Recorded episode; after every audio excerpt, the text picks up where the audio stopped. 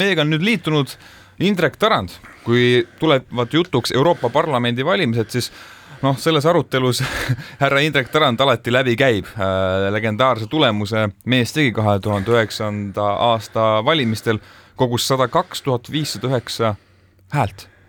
uhke, uhke tulemus. Indrek äh,, tere! tere hommikust! siin äh, eile tekkis mõte just teiega arutleda sellel põhjusel, et äh, meil oli ju Euroopa Parlamendi president äh, Roberta Metsola oli äh, Eestis külas ja hommik algas sellega, et ta kirjutas arvamusartikli Postimehesse, mille toon oli põhiliselt ikkagi see, et eestlased, minge ometi valima.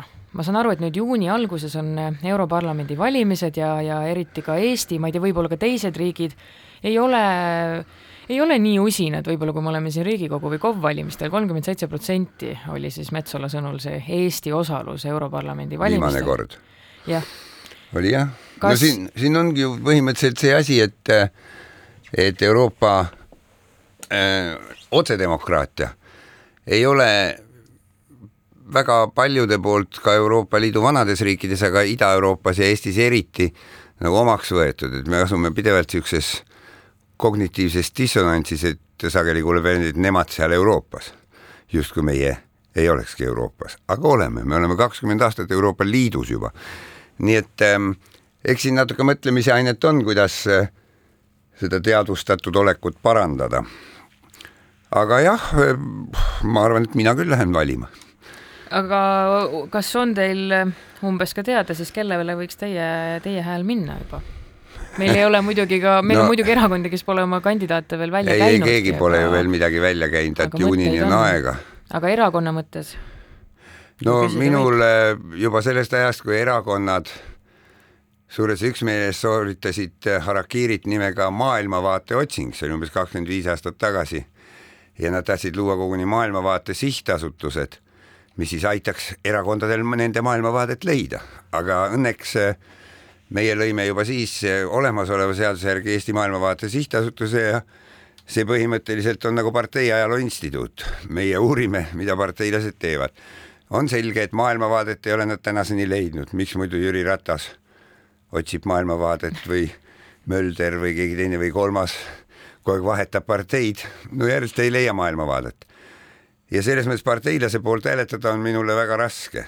mina alati otsin parteide nimekirjast mõnda inimest, ja see on eraldi teema, miks me ei saa parteidest eraldiseisvalt nimekirju esitada, see on suure osa kodanike diskrimineerimine põhiseaduse mõttes. aga jah, tuleb ikkagi otsida inimest ja kuna neid inimesi pole veel välja käidud, siis ei saa ju midagi arvata meil on Eestis olnud äh, poliitilised jõud äh, üsna häälekad äh, ka kuidagi noh, marginaliseerima neid Euroopa Parlamendi valimisi, mitte küll otsesõnu, aga räägitakse, et see, mis seal Euroopa Parlamendis toimub, see ei ole nagu meie asi ja, ja. ja äkki peaks üldse kuidagi noh, distantseeruma sellest institutsioonist. sellepärast, et üldiselt on Eesti eh, saatnud küll Euroopa Parlamenti juba vist veerand sada inimest on sealt läbi käinud selle kahekümne aastaga aga kui mina lõpetasin viis aastat tagasi, siis olid eestlased kõik kamba peale kokku teinud kolmkümmend kaheksa raportit ehk siis Euroopa Parlamendi mõistes seadust algatanud. kolmkümmend kaheksa? kolmkümmend kaheksa, kahekümne viie peale kokku ja nendest üheksateist ehk viiskümmend protsenti olin teinud mina ja siit kerkibki küsimus, kes need ülejäänud on, kui nad kambakesi suudavad ühe mehe vääriliselt teha ja sellest muidugi, et eestlased ei ole seal hästi läbi löönud ehm, erandiga siis, et ähm, sellest muidugi võib tulla niisugune, et äh, see pole üldse meie asi ja seal tehakse palju jama. ja kui pikalt oleks aega rääkida, siis tegelikult ega äh, demokraatlike reeglite järgi toimiv parlament, millel pealegi ei ole klassikalise parlamendi võimu, näiteks võtta maha või nimetada ametisse täidesaatvat võimu ehk volinikke. ja kes peab koos seadusandlust tootma Euroopa Nõukogu ehk valitsusjuhtide koosolekuga. et seal on probleeme muidugi, aga mina arvan küll, et äh, mida rohkem Euroopa Liidus on kodanike demokraatiat ja selle väljendiks on parlament, seda parem saab olla ja ma saan Metsolast ka aru, sest et eks ole, järjekordsed uuringud näitavad, et ähm, võib-olla need jõud, kes on Euroopa Liidu toimimise vastu ja Euroopa Liidu kui sellise vastu võib-olla saavad nagu mingil määral eh, rohkem hääli, nagu ennustatakse. et eh, see loomulikult võib olla ohuks Euroopa niinimetatud konsensusele, kuhu siis klassikaliselt kuuluvad sotsialistlikud, kristlikud demokraadid, liberaalid ja rohelised Indrek Tarand, ma ütlen teile ühe väite, teie öelge, kas see on tõde või vale, ma ütlen lihtsalt seda, et äh, Europarlamenti äh, lähevad äh, pigem eputajad, kes tahavad kõrge palga peal seal istuda ja võib-olla just täide viia sellist kohalikku Eesti poliitikat ja siinkohal nii-öelda kuulsust siis koguda, aga sisulist tööd seal ikkagi kogu selle aja jooksul peale võib-olla selliste baaris käimiste, pidude ja hotellides viibimise välja ei ole kas see on no, nii või pigem ei ole? võib olla tõsi väga mitme puhul, minu puhul, nagu me just ütlesime, see tõsi ei ole, sest mina tegin seal palju asju. aga eh, jah eh,, eputajad, eh, noh, ütleme selleks, et üldse kandideerida, pead sa muidugi teatud määral edev või puuduliku või blokeeritud enesekriitikaga isik olema, sest valimistel kandideerimine ei ole üldse meeldiv eh, protsess. Ja äh, Äh, mis puudub palka, siis minu meelest oli siin hiljuti eetris Andrus Ansip, kes õigesti osutas, et äh, Euroopa Parlamendi liikme palk on suhteliselt tühine võrreldes igasuguste kääbustega, kes töötavad kuskil Euroopa Komisjoni struktuurides. see volinik saab vist neli korda rohkem palka kui parlamendiliige. et äh, või kontrollikoda, mis kubiseb kasututest poliitikutest Luksemburgis. see on ju kuu, kuu mõttes on see siis, me räägime kahekümnest tuhandest isegi? voliniku puhul rohkemast voliniku puhul rohkemast, kusjuures neil on veel mingid mahajahtumistasud ja nii edasi. nii et palk on selline, aga teisalt, kui me võtame Euroopa Parlament, eks ole, seal seoses selle Strasbourgi ja Brüsseli vahel reisimisega saab kriitikat, et ta kulutab liiga palju maksumaksja raha.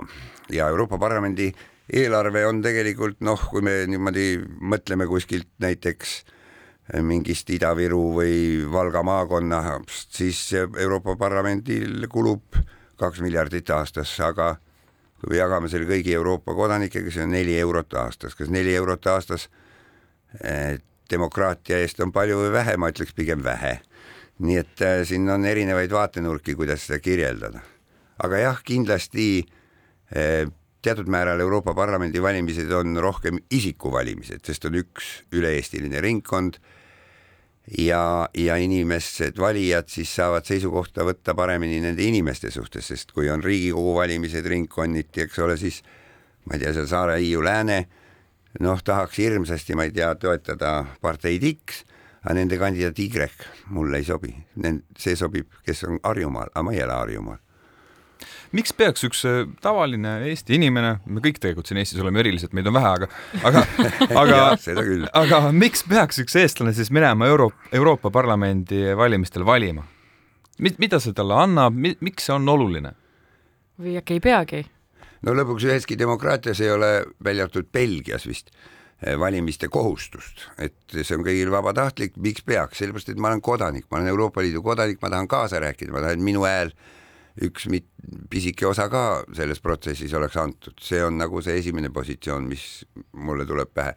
aga kui mõelda, et mis kasu ma sellest saan, kasu on ikkagi selles, et sellesama Euroopa Parlamendi liikme, kes siis valituks osutub, selle kaudu toimuvad seal teatud tegevused, ta on üks seitsmesajast häälest, kes otsustab ühte, teist või kolmandat pidi hirsi hinda Ranenburgi turul ja ja sõjalaevade tellimist ja muid selliseid asju.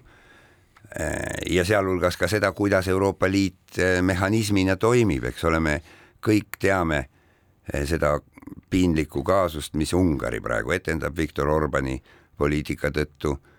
ja küsimus on, kas Ungari klubi liikmelisus tuleks lõpetada, kas sealt tuleks vähemalt hääleõigus ära võtta senikaua, kuni me peame Ukrainat sõjas Venemaaga toetama? Ja nii edasi, nende küsimuste üle saab siis äh, mõelda ja väljendada oma tahet Euroopa Parlamendi valimised on meil siin juuni alguses toimumas. Indrek Tarand, nagu ma meie intervjuu alguses välja tõin, siis teie tegite kahe tuhande üheksandal aastal väga hea tulemuse. ma tegin muidugi kaks tuhat neliteist väga hea tulemuse, ma tulin Andrus Ansipi järel teiseks. päris hea. Kaja Kallasele panin kaks korda ära no vot, siis te teate, härra Tarand, kuidas Euroopa Parlamendi äh, valimistel läbi lüüa. mida te soovitate meie siis kandidaatidele, kes hakkavad seda rallit pidama, et saada sinna Euroopasse? no kahjuks ma ei ole seda tüüpi ekspert ja kui ma parteilastele head nõu annan, siis ma tahaks parteilaste käest saada raha, sest ma töötan õpetajana ja pean lisatöid tegema, et elus püsida. et ähm, parteilased muidugi kahjuks ei võta head nõu ka, nemad töötavad välja, eks ole, oma dogmaatilise programmi, destilleerivad sealt välja mingid lood, loosungid. ma ütlen, esimesed eurovalimised olid vist rohkem seksikaid mehi, olid seal, rippusid plakatid, no see ei ole see, mida on vaja.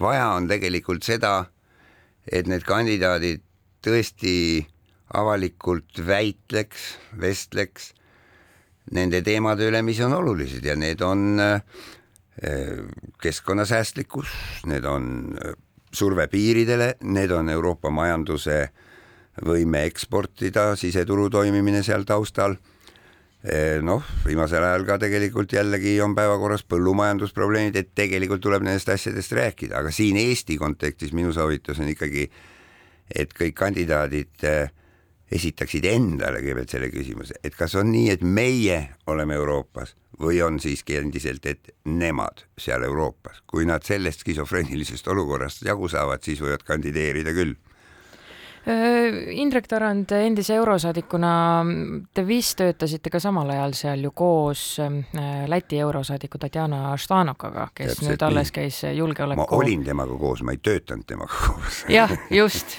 viibisite sealsamas. Viibisin. Et selline küsimus, et kui palju võiks olla Štanokaid seal Europarlamendis veel? väga üldiselt küll, aga no ütleme niimoodi, et äh, mingisugune viis kuni kümme protsenti anomaaliat äh, on ju igas normaaljahutuse puhulgi, et et neid on ja tavaliselt ähm, ega siis Ždanokali äh, fenomen on selles mõttes, et et ta oli nagu niivõrd avalikult äh, Kremli-meelne, seda Kremli asja saab ju arendada ka mingi Küprose kommunistina lihtsalt õõnestades. Euroopa Liidu toimimist, Kremli asja saab ajada nagu Fidesz. Me blokeerime kõik, mis läheb Ukraina toetusest. et eh, neid muidugi seal ikkagi on, aga neid ei ole, noh, ütleme minusuguse kogenud Nõukogude taustaga inimese jaoks nende paljastamine on nagu ühe silmaga kaugelt vaadeldav. Ja loomulikult tegevuse kaudu. Ja me proovisime nagu niisuguseid algatusi pidurdada, mõnikord see meil õnnestus, aga teinekord lipsas ka ikkagi tööõnnetusi läbi, et eh, Kremli agenda kiideti mingil määral heaks. aga tal ei saanud ju olla, ma mõtlen, Ždanoko, kes siis ei tea, suhtles siin FSB agentidega ja. oma eurosaadiku töö ajal. ma loodan, et Läti menetleb seda kriminaalselt. on võtnud, tundub, et on võtnud, et ta on nüüd käinud aru andmas, küll aga ma, ma ei saa sellest lihtsalt aru, et kuidas on võimalik, et meil istub Euroopa Parlamendis inimene, kelle kohta nüüd ka tagantjärele tõepoolest nii paljud ütlevad, et me aimasime, see, see oli ilmselge, et Ždanoka selline Kremli-meelne oli või on olnud kuidas saab üks inimene aastaid seal tööd jätkata, enne kui üleüldse ajakirjandus aastal kaks tuhat kakskümmend neli niisugused asjad välja toob? see küsimus viimane on nagu ajakirjanduse, aga ei no, no ma mõtlen ka kas või aga need... minu jaoks oli selge see ja nagu see ei olnud nii väga keeruline arvata ja see on nagu äh, parasiidi või kahjuri tõrje, et kui sul on nagu Äh, rott keldris, siis sa pead panema lõkse ja mürgitama ja tegema kõiki neid tegevusi, mitte rääkima, nagu rääkisid kaks tuhat üheksa kuni neliteist suurte äh, parteide eestlastest liikmed. Omavad, aga Tarand, tema istub seal Stanokaga ühes grupis, ise nad istusid Fideshiga ühes grupis. oli selline jutt? oi jumal, kogu aeg oli mingi, ega siis see parteipoliitiline töö ongi ingenerimine ja ussitamine, et jumala eest teisele ei läheks hästi.